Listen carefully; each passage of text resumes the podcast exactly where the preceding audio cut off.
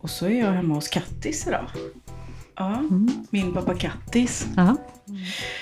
Och vem är du Kattis? Alltså för mig är ju du eh, den bästa som jag vet. Du är min bästa pappa kan man säga. Vad fin du är. Mm. Och du är... Jag vet inte egentligen vad du gör. Jag brukar säga att du är eh, som en eh, nutida shaman. Jag vet inte hur jag närmare ska beskriva det, men det kan ju du göra själv. Ja, alltså jag är ju utbildad kinesiolog. Eh, och kinesiologi är ju ett sätt att kommunicera med en annans persons nervsystem genom att testa spänningen i musklerna. Eh, så alla muskler du har i kroppen är associerade till alla inre organ. Så via muskeltesterna så ser man ganska snabbt vart det sitter obalanser inuti kroppen. Sen är det ju, eh, det är ju liksom ett sätt att se, liksom, jaha, där sitter obalanser. Men sen jobbar jag på alla möjliga plan. Både fysiskt, eh, känslomässigt, eh, mentalt, andligt, själsligt, hormonellt, kemiskt, ja, och så vidare. Sen har ju jag också utbildat mig mycket, eh, ska man säga, alla de här, eh, ja men, inre barnet och jobba inåt överlag med att bara eh, jobba med alla känslor och tankar och hur det sätter sig i kroppen och vad det gör med en och, och den biten. Så jag har alltid haft ett stort intresse kring kroppen och alla, ja, men allt som händer, hur det sätter sig i kroppen. Det tycker jag är ju väldigt, väldigt, väldigt spännande. Så sen om man kallar sig, vad man kallar sig, det är en annan sak liksom. Men Mm. när jag höll på med det här, jag hade eget i åtta år, då var det ju kinesolog och typ terapeut kanske man kan säga då. Men eh, sen är det ju så mycket mer bakom det. Så att många kunde ju komma med exakt eh, samma symptom, men det kom från helt olika platser. En någon kanske, det kom från stress och någon var det fysiskt och någon var det känslor. Och någon var det bara hormonella saker, fast problemet var eh, densamma så att säga. Så att man kan aldrig jämföra sig med någon annan brukar jag säga. Eh, vi kan ha samma symptom men det kommer från olika källor och olika ställen. Eh, beroende på vad vi har med oss och vad vi har varit med om.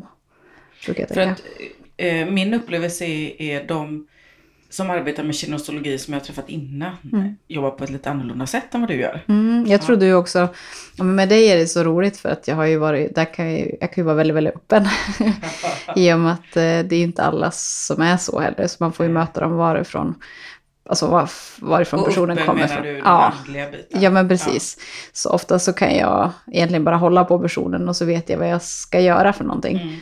Men eh, sen om det kommer någon person som har ett magproblem till exempel, då, kan ju, då gör ju jag muskeltester för att se vilka, vilka organ är inblandade, så att säga.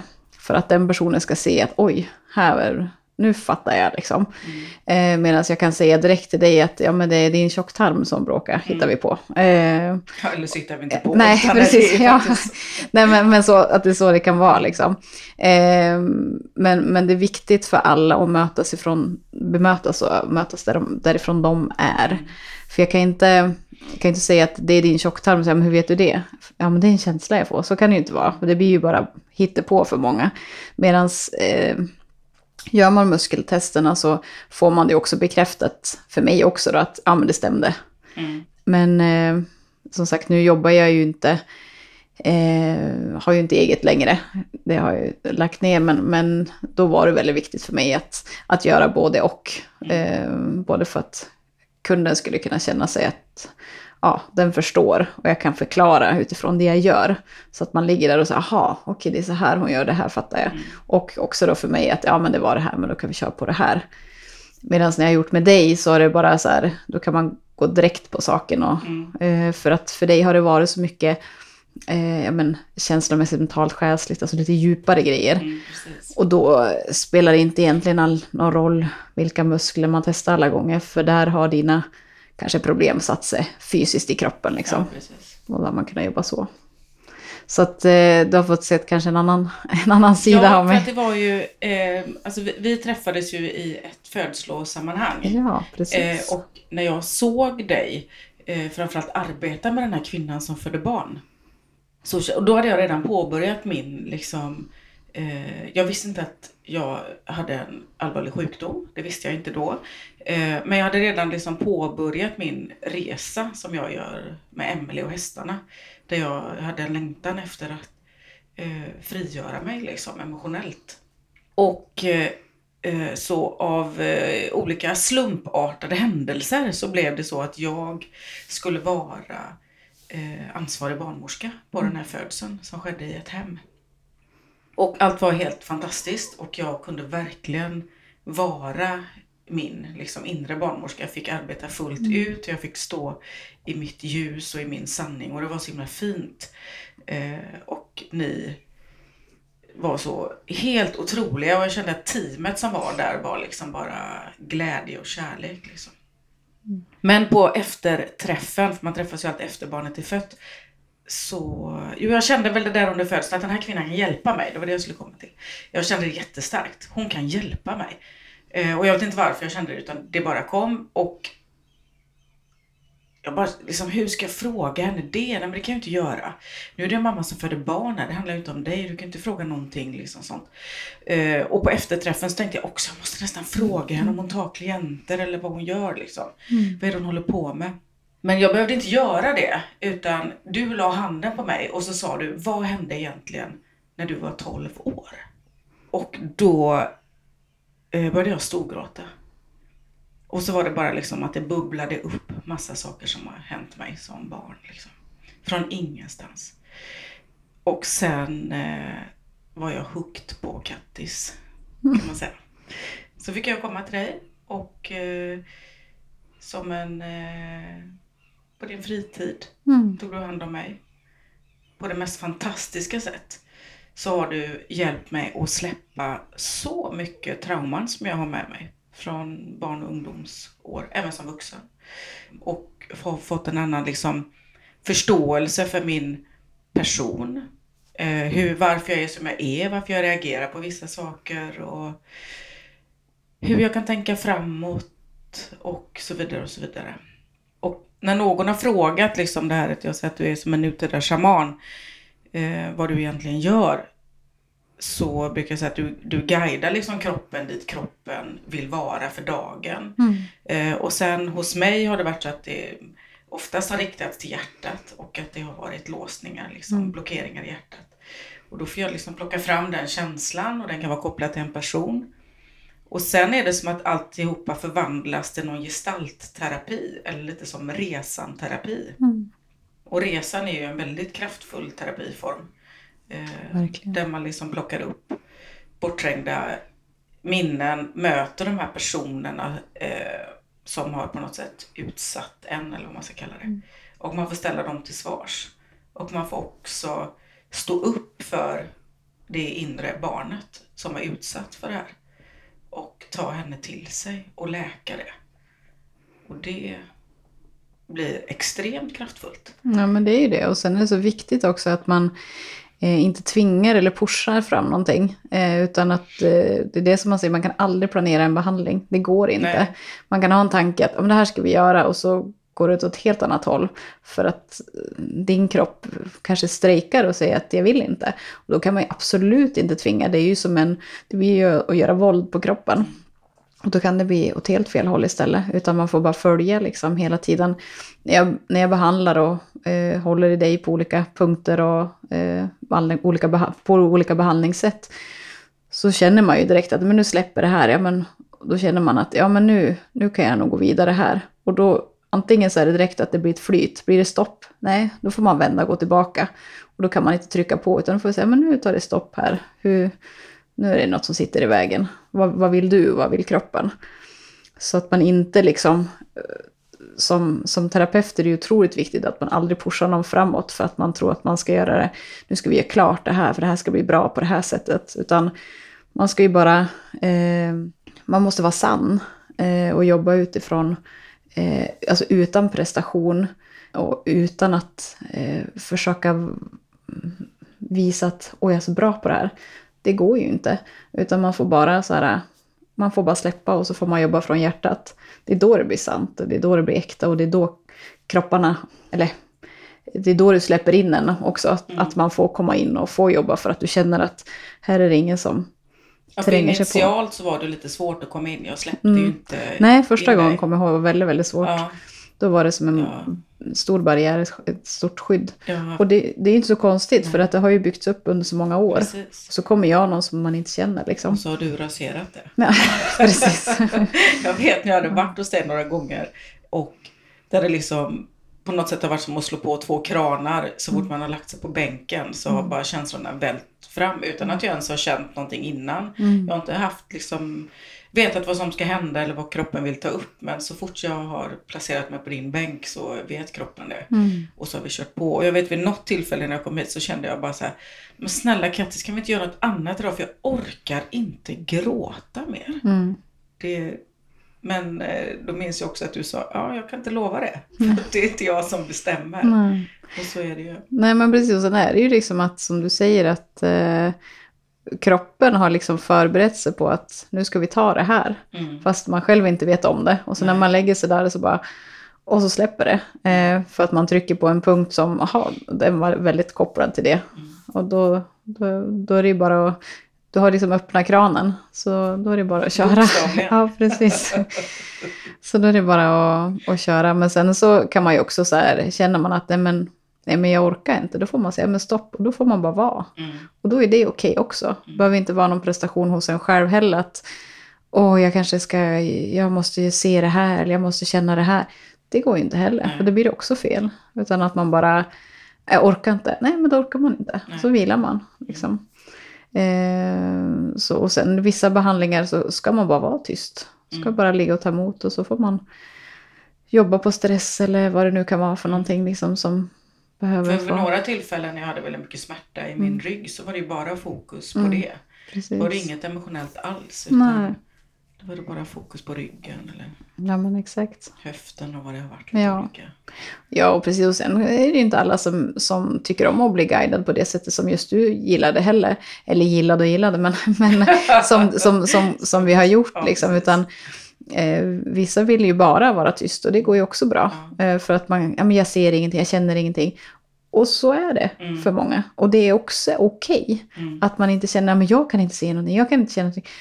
Nej, men just nu är det så. Och det är också okej, för att nu är du på det här stället i livet. Och det är inget bättre att kunna känna och se så mycket än att inte kunna känna och se så mycket. Det, det spelar Nej, för det har ju också roll. varit olika. Ibland har det varit svårt att hitta det här lilla barnet eller Mm. hitta situationen Mm. och då har ju du liksom guidat den in i det. Mm. Och ibland är det jättetydligt. Man ser väldigt mycket färger och platser och Mm. det kan dyka upp växter och Mm. allt, djur och Mm. alla möjliga grejer. Man har liksom Precis. ingen aning. Nej, man kan tycka att det är så konstigt, men det är egentligen inget som är konstigt när man jobbar med det undermedvetna. För att man följer bara vad- det som är, det som är. Och kan man känna, men jag kan inte se det här. Tänk om, tänk om vad, vad ska hon säga nu om jag säger att jag ser det här? Ja, men det är ju bara kroppen som talar och det kan, Ja. vara, det kan bli så det mest självklara sen Ja. också. När man ser, tittar på det liksom. Ja, precis. Det är bara tryggt och kärleksfullt, Mm. så känner jag. Ja men visst. Även om jag ibland blir väldigt trött på att ligga och gråta på Mm, din bänk. Så ja. är det liksom. Precis. Det är vad Men jag det tror är. också, nu, nu är du också på en plats att jag tror att du har rensat så otroligt mycket. Så nu blir det liksom kanske mer, mm, alltså du har, du har tagit de många stora delar liksom. Absolut. Så, så jag tror att, eh, att kroppen också känner att ja, men den kanske blir ledsen, men, men det blir på ett annat sätt. Mm. För att man känner att ja, men nu, jag är på en annan plats nu. Och det betyder inte att den är bättre, men du är lite lugnare i, i där du är, för du har gjort sånt fint jobb. Mm. Liksom. Eh, så då kan det kännas eh, som att jag behöver inte storgråta. Kanske inte känns alltid jättebra, men, men ibland kan det, ju, det blir ju en befriande känsla sen. Ja, ja, men precis. Och jag hade väl nog ganska många år och, som behövde gråtas ut. Mm. Eftersom jag då är en person som inte gråter så mycket. Nej. Eh, Jag är väldigt nära mina känslor och blir väldigt liksom rörd Mm. av olika saker. Men jag går inte runt och gråter. Vissa gråter ju för allt hela tiden. Mm. Men jag, jag gör inte det liksom. Nej. Jag är en ganska rejäl och krass person kanske. Mm. Men eh, eh, så att jag tror att jag hade så mycket som behövde ut helt enkelt. Mm. Det behövde bara tömmas. Ja, men precis. Eh, och sen så behövs det inte tömmas lika ofta. Nej, alltså som sagt, man ska aldrig forcera någonting heller. Nej. Utan att, eh, som sagt, det är inte alltid... Och, och det här också kan vara svårt. För när jag höll på att jobba som mest med det här under alla år så, så kanske någon person hade fått en sån behandling när de kände sån wow, det här är så himla skönt efteråt. De kanske har gjort ett jättejobb. Så har de en förväntan att de kommer nästa gång och vi känner likadant. Ja, och det går ju inte. Nej. För att det är ju inte säkert att kroppen gör på samma sätt. Utan då kanske det var första proppen som åkte ut. Och nästa Mm. gång så ligger man och känner ingenting och tycker att men gud vad tråkigt. Ja, hur kunde jag uppleva det på ett annat sätt första gången? Mm. För att då var det en annat, och sen, ja, det kan komma igen. Men man kan aldrig ha en förväntan att ska, man ska komma tillbaka och känna exakt samma sak. För det Det är vet som man en inte. fantastisk upplevelse som jag hade med dig här. Mm. Som du säkert minns. Då hade jag, var jag liksom ganska dålig en period kan man säga. Jag hade mycket ångest, mycket ont i kroppen Mm. och eh, det var liksom, det kändes inte bra Nej. någonstans. Det var liksom inte bra vare sig på röntgen, på prover, ingenting var bra. Och då brakade jag liksom på något sätt psykiskt. Och så var jag här och fick en behandling och det handlade om, ja skitsamma vad det handlade om. Det var i alla fall en person, en anhörig person som, som jag har haft vissa issues med under min uppväxt kan man säga. Och eh, det här kom fram och jag hade först inte lust att, att släppa. Men du hittade den här liksom lilla flickan som gömde sig bakom hjärtat. Och så plockade jag fram henne och helt plötsligt var det som att jag såg, radade upp alla nadjor. Från det att jag var jätteliten fram till nu liksom. Och så tog jag alla i min famn. Och så fick jag liksom säga till den här personen att det var inte schysst så som du gjorde. Man gör inte så mot ett barn. Och det var liksom... Jag tog, så tog jag alla de här i min famn och eh, liksom såg dem, tog hand om dem eh, och fick liksom säga att det var inte ditt fel. För du var bara ett barn och du skulle inte ta ansvar för det här. Och när jag liksom tog alla de här till mitt hjärta så var det som att vi smalt ihop. Jag och alla små nadjor. Och så upplevde jag att jag var alla bebisar som jag någonsin har hållit i mina händer. Och så tog jag ett djupt andetag och sen blev jag hur stor som helst. Mm. Jag upplevde liksom att jag tog upp hela rummet. Jag ligger på din bänk och jag, jag blundar och det känns som att jag är i något slags alltså, tillstånd som jag inte kan beskriva. Det är som att jag inte kan resa mig uppifrån bänken. Fast jag vet att jag kan det. Men i det här tillståndet, nästan ett hypnotiskt tillstånd, så upplever jag att jag blir stor som hela rummet och att jag på något sätt expanderar. Hela jag expanderar och jag är liksom över mig själv. Det är svårt att säga liksom. Det blir som en utomkroppslig upplevelse. Och jag ser, upplever så mycket kärlek och så mycket ljus. Och jag känner mig inte rädd för någonting. Jag fortsätter att andas och i varje liksom andetag så expanderar jag ännu, ännu mer. Så att jag är större, större än hela liksom masthugget. Jag, jag andas ut över hela Majorna. Jag blir stor som hela Göteborg. Liksom.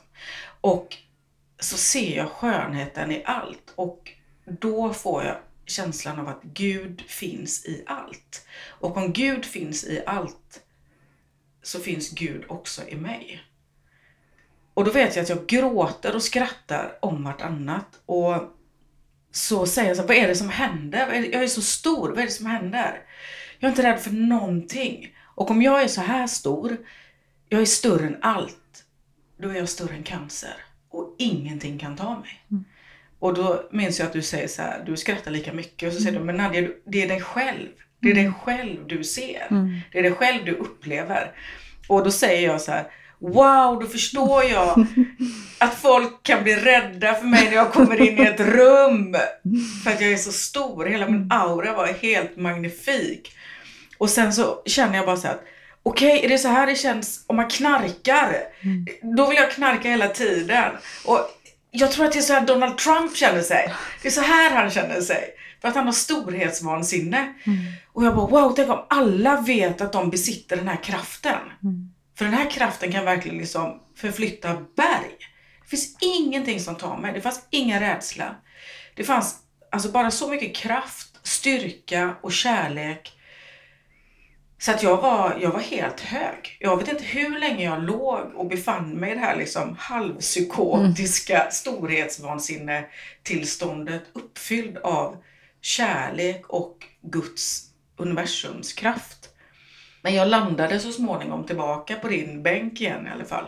Och där och då så kände jag mig inte rädd för några provresultat, några röntgen, mm. ingenting.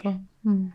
Men det är ju också, då är du ju i i, i, i, det, i det själv liksom. Ja, I källan. I käll, källan, ja men precis. Ja, som man kan, I resenterapi kallar ja, man det för exakt. Ja. Och, och så var det verkligen. Och när jag promenerade hem den eftermiddagen så hade jag liksom lust att rycka tag i människor på gatan och bara säga Hallå, fattar du vilken kraft du besitter? Mm. Du är så stor, du är så stark. Mm. Och jag ringde min kompis Rebecka och försökte förklara vad jag hade varit med om i telefon. Hon bara, eh, okej. Okay. Mm. Eh, jag fattar inte alls vad du menar, mm. men vad fint att du har haft en fin stund.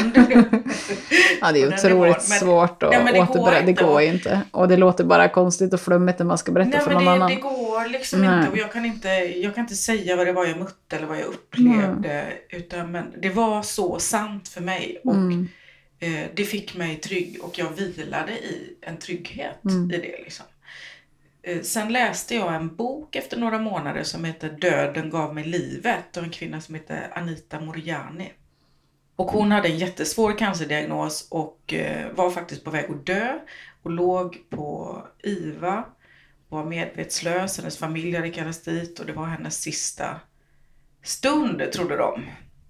Och när hon ligger där så kommer det till henne att hon har liksom ett val mellan livet och döden att man måste släppa allt för att leva. Eh, och då på något sätt så gör hon det. Och sen det hon beskriver, den upplevelsen som kommer när hon har släppt allting. Mm. Det är precis samma sak som jag upplever. Fast att hon har fått ner det i skrift mm. i en bok. Mm. Men för mig var det en sån himla, men liksom en aha-upplevelse att läsa, okej okay, det är någon annan som har upplevt samma.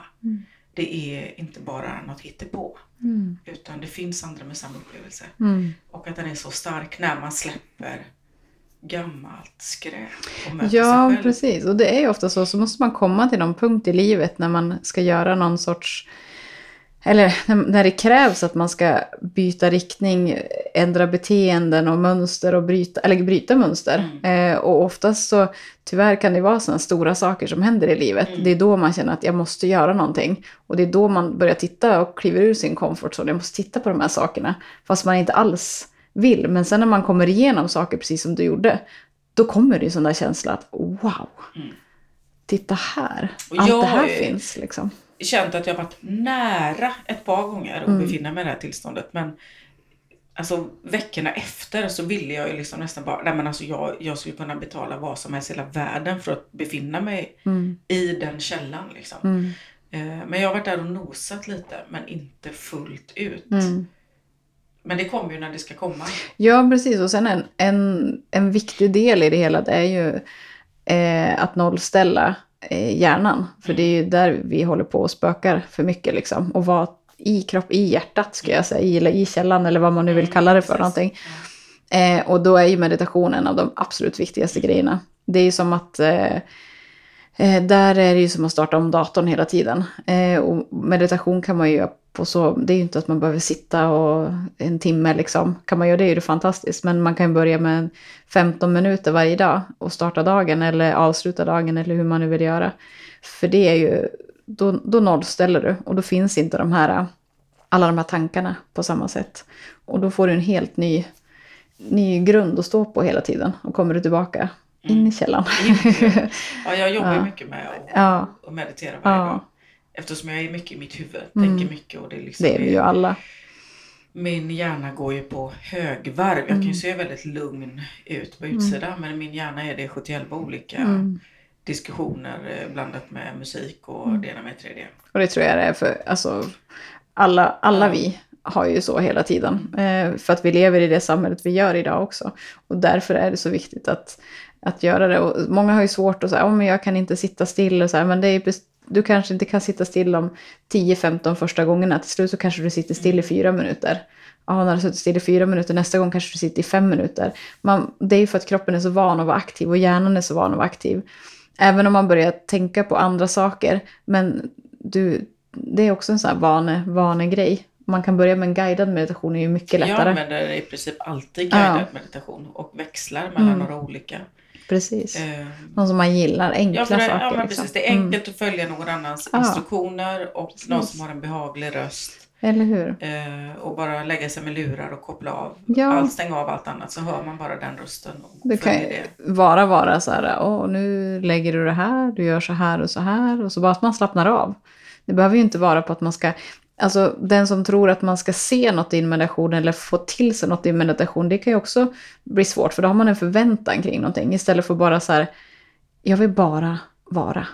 För det är då eh, allting, alltså när, när det försvinner, allt det andra, ja men då kommer det till det efteråt. Det är inte så att man ska förvänta sig att det ska komma massa saker i en meditation heller, vilket det kan göra om, man har, om det är så också, men ofta så behöver man ta bort allt annat och bara komma in i kroppen. Björn Nattiko skrev ju det Mm. i sin bok så himla bra.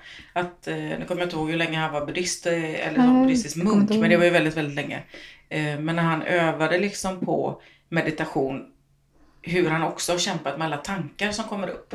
Allt från vad man ska handla på ICA till liksom Ja, praktiska saker på jobbet och Mm. vad det, vilket väder blir det imorgon eller hörde jag inte en fågel där borta? Mm. Det kan vara liksom precis vad som helst.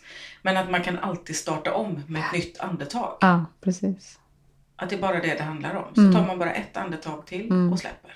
Ja, det är otroligt fint sagt. Jag brukar alltid tänka så här att det finns, det är en bra grej i meditation och jag brukar alltid tänka det i min vardag också, att det finns ett nytt nu hela Mm. tiden. Alltså i varje sekund har du ju ett nytt nu och gör ett nytt val. Precis. Tänker man, ja det är skit, det här funkar inte och det här och det här. Men vänta nu, stopp, stopp, stopp, stopp. Det finns, nu finns ett nytt nu. Och nu också. Mm. Hur ska jag göra precis just nu? Och så bara vända det. Ofta så tror vi, ja men jag gör så här imorgon. Ja men du har ju fortfarande eh, tio timmar kvar på den här dagen. Hur kan vi ändra det nu? Istället för att tänka att jag ska börja på måndag eller jag ska börja på tisdag. Nej men då ska jag börja med meditation eller då ska jag eh, börja träna. Alla sätter upp sådana mål istället för bara, men vad kan jag göra för stunden? Nystart på måndag. Ja, precis. Och det är så fel. Jag tänker att då går man och... Eller så här, efter semestern ska jag göra så här. Ja, men vad kan du göra nu som inte blir så jobbigt? Ja. Hur kan jag göra precis i stunden nu? Ja, men jag kan göra det här. Mm. Och så är det ing, behöver inte vara så stort. Många sätter upp så stora mål. ja, men precis. Kan ta enkla saker, små saker. Som bara är tycker jag glädje. hästarna har hjälpt mig mycket med. För att de lever ju bara här och nu. Ja, verkligen. Djuren Eller det gör ju djur Ja, överlag liksom. De Precis. tänker inte på vad som hände för en kvart sedan. nej. Någon har bråkat med dem utan Mm. nu är nu. Mm. Eh, och det märker man också när man Alltså när man rider, man kan inte, det är ju också meditation för mig, Mm. för man kan inte tänka på massa andra saker utan man behöver vara ett med sin häst, Mm. bara här och nu. Det är också väldigt, väldigt vilsamt. Mm. Du gör ju liksom lite andra grejer också. Som inte känns så kinesologiga. Ja, det är nog mycket som inte är så kinesologiskt egentligen. Men som sagt, som jag sa när jag hade mitt företag och när jag jobbade aktivt under de här åren så, så får man ju eh, smyga in det på ett annat sätt. Liksom. Men jag, jag tycker ju att det är väldigt... Eh, alltså, jag tänker så här, vi är alltid guidade och vägledda överallt hela Du har tiden. en Liksom. väldigt liksom, tydlig eh, medial förmåga skulle jag vilja säga. Ja, jag vet inte vad man ska kalla det för. Alltså jag tänker att ehm, jag, eh, beroende på, ja men som om du nu ligger på, på bänken så att säga, eh, så är det väl de som vill vara med och guida och vägleda dig som, som kommer. Liksom. Det, är det, är ju, det här är svårt tycker jag, för att eh, många säger, men vad får du till det? Men då, då blir det, då går det inte alls. Utan det måste bara komma Mm. naturligt för stunden. Liksom. För ofta så kan det ju skickas sms från kompisar kanske. Ja, men vad, vad tror du om det här? Eller hur känner du för det här? Vad, vad får du för feeling? Och jag, jag vet inte. Eh, utan vad känner du själv? Mm. Men sen såklart när jag behandlar och så, så, så får man ju vägledning eh, på vad man ska göra. Men var den kommer ifrån alla gånger, det kan jag inte svara på. Eh, utan ibland kommer det jättemycket och jättetydligt, ibland kommer det ingenting. Men det är lika bra ändå. Mm. Eh, det, då Det är är det som det det ska vara. Ja, då är det som det ska vara liksom. Då ska jag bara göra på mitt sätt om jag inte får till mig något speciellt liksom. Är det någon som säger något eller jag ser något eller känner något så då följer jag oftast det. Men, men man kan aldrig så här, aldrig tvinga fram någonting. Då blir det stopp. Liksom. Ofta kan du också få budskap i form av bilder på djur och växter. Ja, men precis. Ofta när man, när man guidar in i, i kroppen så, så ja, det bara dyker upp. Och då kan det, vara, kan det även bli konstigt för mig, liksom, varför ser jag det här? Sen när man väl läser eh, kanske i de här böckerna som vi har, eh, växterna och djurens språk, så då blir det så här, jaha, oj, ja men det var ju klockrent. Det betyder det här, eller det, det stod för det här. Eh, men sen kan det också vara att man får upp saker som man själv inte fattar och så tänker man, ska jag säga det här? Jo, men jag säger det. Och så har det en jättestor betydelse för den andra personen vet precis vad det handlar om och vad det, vad det är för någonting. Men, ehm, men där får man vara också försiktig för att man ska inte så här, eh, säga för mycket heller alla gånger eh, beroende på vad, vad det handlar om för att det kan också förstöra personens process. Så att mm. man inte så här, är för påhoppig liksom utan mm. Är det okej okay att jag delar det här med dig? Skulle det kännas okej? Okay? Eller så ibland kan man få en feeling att nej, det här tar vi nog senare. Där personen är inte där just nu. För att man kan förstöra för den andra. Mm. Och då går den och tänker bara, jaha, hon fick till sig det här, det här ska nog hända. Och då blir det också fel, för då går man och har en förväntan istället för bara att se vad, vad kroppen vill och ja, vad som precis, händer. Liksom. Och vad livet bjuder ja, på något precis. sätt. För det, jag kan också mm. få när jag har mediala rådgivningar så får jag ofta djur och växter. Mm. Och då är det mest att det bara ploppar upp. Liksom. Mm. En svan, okej okay, en svan. Ja. Mm. Eh, och inte alltid att jag ser den utan mer att jag säger kanske Mm. bara svan. Mm. För mig själv. Liksom. Mm. Eh, och kan inte alls förstå vad den här skulle betyda. Nej, men precis. Men så läser man vad svanen vill säga, vad den har för budskap. Mm. Enligt Solögas Mm. bok Djurens språk som är lite som en bibel för mig faktiskt. Och då är det ju alltid klockrent. På den personen. Ja, men det brukar vara det. Och sen kan det också vara så att det är anhöriga som har gått bort som kommer. Eh, som jag kanske inte heller har någon aning om vem det är. Men när man, när man ibland så dyker upp att ja, men det, det är din mormor eller det är din Mm. pappa eller vad det nu kan vara. Som, som säger någonting. Och, och det får man också passa. Vad kan jag säga och vad kan jag inte säga liksom. Eh, om personen är jätteskör så får man, ju, får man ju tänka på vad man säger. Men om det är någon som är väldigt så här man känner, känner att den här personen kan ta det, då kan man ju få en väldigt fin, eh, ett fint möte Mm. och oftast någonting otroligt läkande Mm. när man eh, kan göra så. Men jag, jag tror det handlar också om att vara sann. Inte så här att jag ska tala om vad jag ser för att jag ska få någon sorts bekräftelse, för då blir det fel. Mm. Då är man inte sann. Eh, så där är jag hela tiden också avvaktande. Men nu som sagt, då jobbade jag ju, men jag hade ju sju år när jag jobbade heltid. Eh, bara med kinesiologi och, och det här. Och nu när, när jag bara kanske tar emot dig någon gång sådär ibland eller någon annan hobby. ja, hobbygrej så, så är det ju, eh, då är det ju bara personer som står mig väldigt eh, nära. Eh, och då blir det ju på ett annat sätt. Eh, men, men det handlar fortfarande om att kunna vara sann och inte söka bekräftelse. För det är då allting bara kommer. Och det är då det blir fint Det och går ju inte att det är prestera. läkande. Nej, precis. Släppa allt sånt. Nej. För något annat som är väldigt spännande med, med liksom den rena kinesologin eh, som vi också har gjort är ju det här med tester om man eh, till exempel är intolerant mot olika födoämnen Mm. och vilka tillskott som kroppen behöver. Och Mm. det är väldigt spännande. Ja men absolut. Eh, mjölk är- och gluten och allt Mm. det här. Ja precis, och man behöver inte alltid vara så här, för går du på sjukhuset så kan du göra allergitester. Och så får många negativt på att när man inte är allergisk. Men du kanske inte är allergisk men du kanske är överkänslig mot vissa Mm. saker. Då kanske man inte får utslag på, för det krävs ganska mycket för att du ska få ett utslag. Det kanske är mer bara att du, där du, ja, att din mage eller din kropp reagerar när du äter, vi säger mjölk då. Att den kanske inte är allergisk mot det men den tycker inte om det så mycket, det blir ganska uppsvälld och lite Mm. gasig liksom. Då kanske du bör undvika att ta ett annat alternativ. Och då kan man ju testa och se liksom. Eh, och det där kan man ju prova under en period och ta bort då. Och så ser man ju också vad som händer om det är någon som reagerar på lök. Ja men ät inte lök då kanske på, för att se hur, hur det reagerar. Det behöver inte betyda att man inte kan äta det någon gång utan Nej, utan bara just att man är- nu. så- Ja, precis. Och sen är man ju extra känslig. Är du stressad, är du deprimerad eller ledsen eller utbränd på något sätt så är du ju extra känslig mot allt. Mm. Alla födoämnen skulle jag säga. För då blir det liksom att kan du inte smälta dina känslor, då kan du inte heller smälta maten. Kan du inte smälta stressen, då kan du inte smälta maten. Då gör det ju att du reagerar fortare på allting hela tiden som kommer in. Som du kanske vanligtvis, om du mår bra, inte alls skulle reagera på. Så att där får man ju också titta liksom, vart befinner du dig nu? Ja, men just nu som du säger, kanske du bör skippa de här grejerna. Du Mm. kanske inte ska äta socker för att du bara dämpar dina känslor med det till Mm. exempel. Eller du kanske, ja, vad det nu kan vara för någonting. Eh, kroppen blir, mm, åker som en jojo upp och ner, fram och tillbaka. Så det kan man ju titta och sen så eh, gör man dem, jag har inte gjort det så mycket på dig, men de här vanliga fysiska kinesiologitesterna så är det ju jätteroligt att, att testa. Liksom. Man tänker på en känsla och så börjar man testa musklerna. Alla muskler blir helt utslagen. Liksom. De blir helt svaga.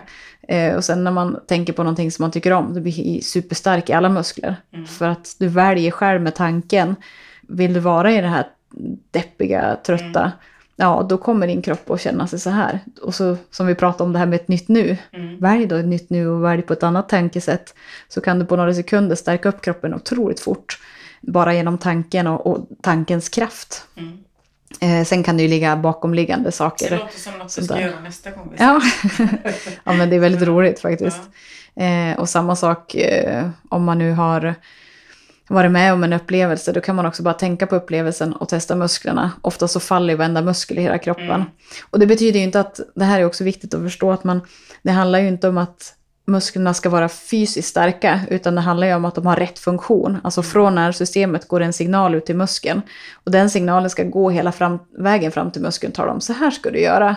Men rätt vad det är, när man har varit stressad, då går inte signalen hela vägen fram. Och då blir muskeln svag inom situationstecken, att den, den fattar inte, den får inte signalen, vet inte hur den ska göra. Och när det har varit så under en längre tid, till slut så blir muskeln hyper. Alltså den blir så stressad så den Mm. vet inte alls. Eh, och då blir det bara rundgång. Och då blir den överspänd istället. Så att då kan man inte alls testa den. Så det finns olika sätt, nu är det svårt att förklara på så här, utan då får man ju visa istället vad, vad, man, vad man menar liksom och, och sådär. Men, men eh, alla känslor och tankar och eh, allting påverkar ju dina muskler. Eh, Om man skulle liksom vara nyfiken på att veta mer om kinesologi, Mm. finns det någon, har du någon tips på någon hemsida eller någon YouTube? Eller någon Eh, ja, och där är det också så här att eh, det finns ju så mycket, eh, beror på vad man är intresserad av. Liksom. Om man är intresserad av det här eh, lite djupare så vet jag inte direkt om det finns någon, någon sida att kolla på. Eh, de som är sportintresserade finns det ju ganska mycket kring sportkinesologi, liksom, Mm. eller kring idrott och sådana saker. Hur de jobbar med det där. Men, men om man är Men det är väl som han den stora gurun, heter han? Ulf eh, Kilman. Kilman. Ja, precis. Han har ju sitt sätt att jobba. Precis. Mm. Och då är det många som tycker att det är jättebra, medan vissa tycker att det funkar inte alls. Nej. Det är därför det är så bra att det finns många olika man kan väl- välja. Då. Men om man går in på, eh, om man söker på Svenska kinesologiskolan, eh, och Mac Pompejus, det är min gamla lärare, han är ju fantastisk. Där finns det ju massa tips och idéer och utbildningar som man själv kan bara gå en helgkurs eller något sånt där om man vill. Eh, Kinesologi för hemmabruk. Ja, precis. Så det finns mycket sånt. Så där, där skulle jag nog säga, jag kommer inte exakt ihåg sidan, men om det är kinesologi.se eller om det Men Svenska kinesologiskolan kan man söka på i Stockholm. Och Mac Pompejus, eh, Volontis, han är super, superfin lärare. Om man vill ha en liten, liten smak på hur det är att vara hos pappa Kattis. Ja, precis. Ja, det, den, den är lite speciell i och med att jag jobbar så himla annorlunda. Ja, men eh, precis. Det kines- finns ju nog bara en som du. Ja. Men det finns, alltså jag tror inte att, eh, det finns ju många säkert som jobbar så här också kanske, men man pratar inte om det på det sättet. Nej. Utan som när jag hade min klinik också så, eh, jag gjorde ju aldrig reklam nästan för mig själv, utan man kunde lägga ut något på Facebook kanske sådär, men, men ofta så var det folk som kom till mig och sen så, ja då kom nästa. Och så var den hade varit hos mig, då kom nästa. Mm, för de tipsar varandra. mun, Ja, liksom. för att då, då kan man mer förklara att ja, men det här fick jag hjälp med.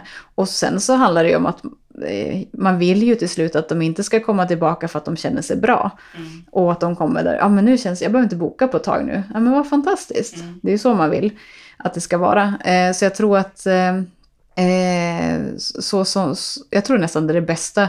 Man kan aldrig göra reklam för sig själv och säga att de ska komma till mig, nu jobbar inte jag så ingen får komma till mig, men, men, men, men, men att jag tror att det, det, blir, det blir också sant. När man, man, om, jag, om du kommer till mig, Kattis jag har varit på det här. Oh, wow, vad spännande, kanske jag också ska testa. När man känner att det här passar Man mig. Ja, det. Men Det kanske det, det kommer någon annan och säger, nej men det där låter inte som min grej. Nej men då kanske du ska prova den här personen. Mm. Så, som är lite mer så som du är liksom. Mm. Så ja. Ja, för jag hade ju ingen aning. Jag Nej. kände mig bara jättedragen och Mm. fick bara till mig så starkt Ja, att alltså hon du- kan hjälpa dig. Hallå, lyssna, hon kan hjälpa dig. Liksom. Det ju så svårt också, för då var ju vi under som sagt förlossning och då hade vi sagt till dig innan också att eh, ja, men vi jobbar på ett sätt som kanske inte alla andra gör liksom. Eh, och, och- det fastnade du för, Ja. eh, för du såg att det här är ju sånt som jag gillar, det här Mm. funkar för mig. Och det var ju det jag kände också när du kom på besök sen så eh, började vi ju prata lite grann om behandlingar och sådär och du sa att ja, du hade, om det var ryggen eller jag kommer inte Mm. ihåg vad du sa. Ja, att du hade, ja. Och då var ju då jag la handen och sa, ja men det här är något annat Mm. liksom. Eh, Men då var du så öppen, då var det bara, det kändes som att här får jag säga vad som helst liksom. Jag, alltså, jag var helt såld Ja. på det jag hade sett dig göra med Mm. den här kvinnan som födde. Mm. Så jag var nog redan liksom som smör i dina händer. Mm.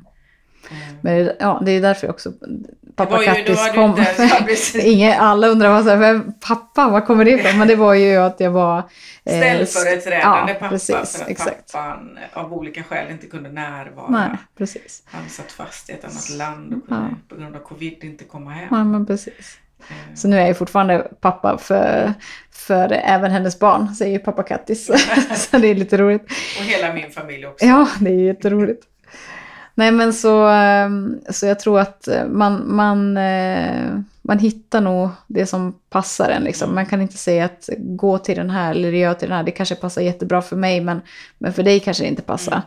Så jag tror att man, man ska nog känna efter. Generellt i livet skulle man väl kunna önska att fler människor bara gick dit eh, hjärtat sa. Ja, liksom. verkligen. Det är ju Eh, precis. Och det våga off- följa det liksom. Ja, men precis. Jag kan ändå uppleva att det är många gånger i livet där man känner att varför sa jag inte det eller varför gick jag inte Mm. dit? Det kändes ju så rätt liksom.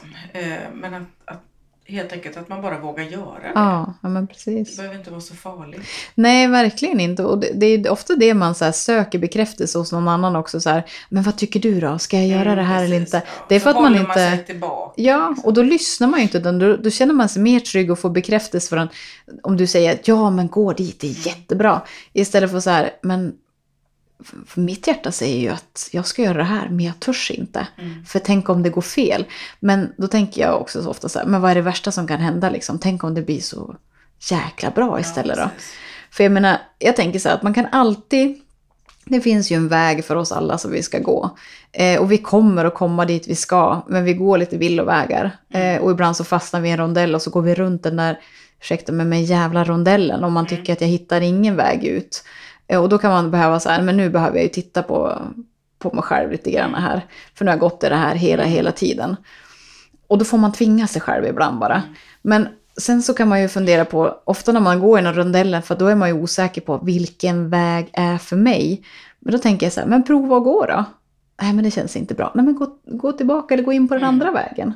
Det är ju ingenting som kommer att säga att du gör fel. Utan snarare kommer det bara bli så här, aha, ja ja det här var inte för mig. Jag provar den här. Och när man väl kommer på den vägen som, som är från hjärtat, då, då blir det bara, åh, här kan jag vara ett tag. Gud vad trevligt. Mm, Det känns bara Ja. rätt i hela kroppen. Precis. Men man kommer inte att kunna hamna där om man inte vågar testa lite grann. För det är liksom, det är ingenting som, Men samhället har också så mycket regler och normer som håller oss tillbaka. Ja, Jag verkligen. tänker bara i små saker. Ibland kan det vara att man, ja, man träffar någon, ser en person på gatan som man inte känner eller en arbetskamrat eller vad som helst. Och man kan bara tycka, gud vad, vad fin hon var Mm. idag. Eller vilken fantastisk klänning. Eller vilket, vad, vad snygg hon var i det läppstiftet. Vad som helst. Och så säger man inte det. Mm. Utan man tänker det bara. Men om man faktiskt vågar göra det och Mm. gå fram till den personen och säga vilket bra jobb du gör. Gud, vad glad jag är att just du är min arbetskamrat. Du är så fantastisk. Mm. Eller vad det nu kan vara. Bara man träffar någon på bussen. Mm. Vad, vad fin du är. Vilket fantastiskt hår du har. Eller, Mm. eh, bara små saker i vardagen så kommer det kännas. Alltså, det känns ju fantastiskt i ens eget hjärta att man vågade säga det man tänkte. Mm.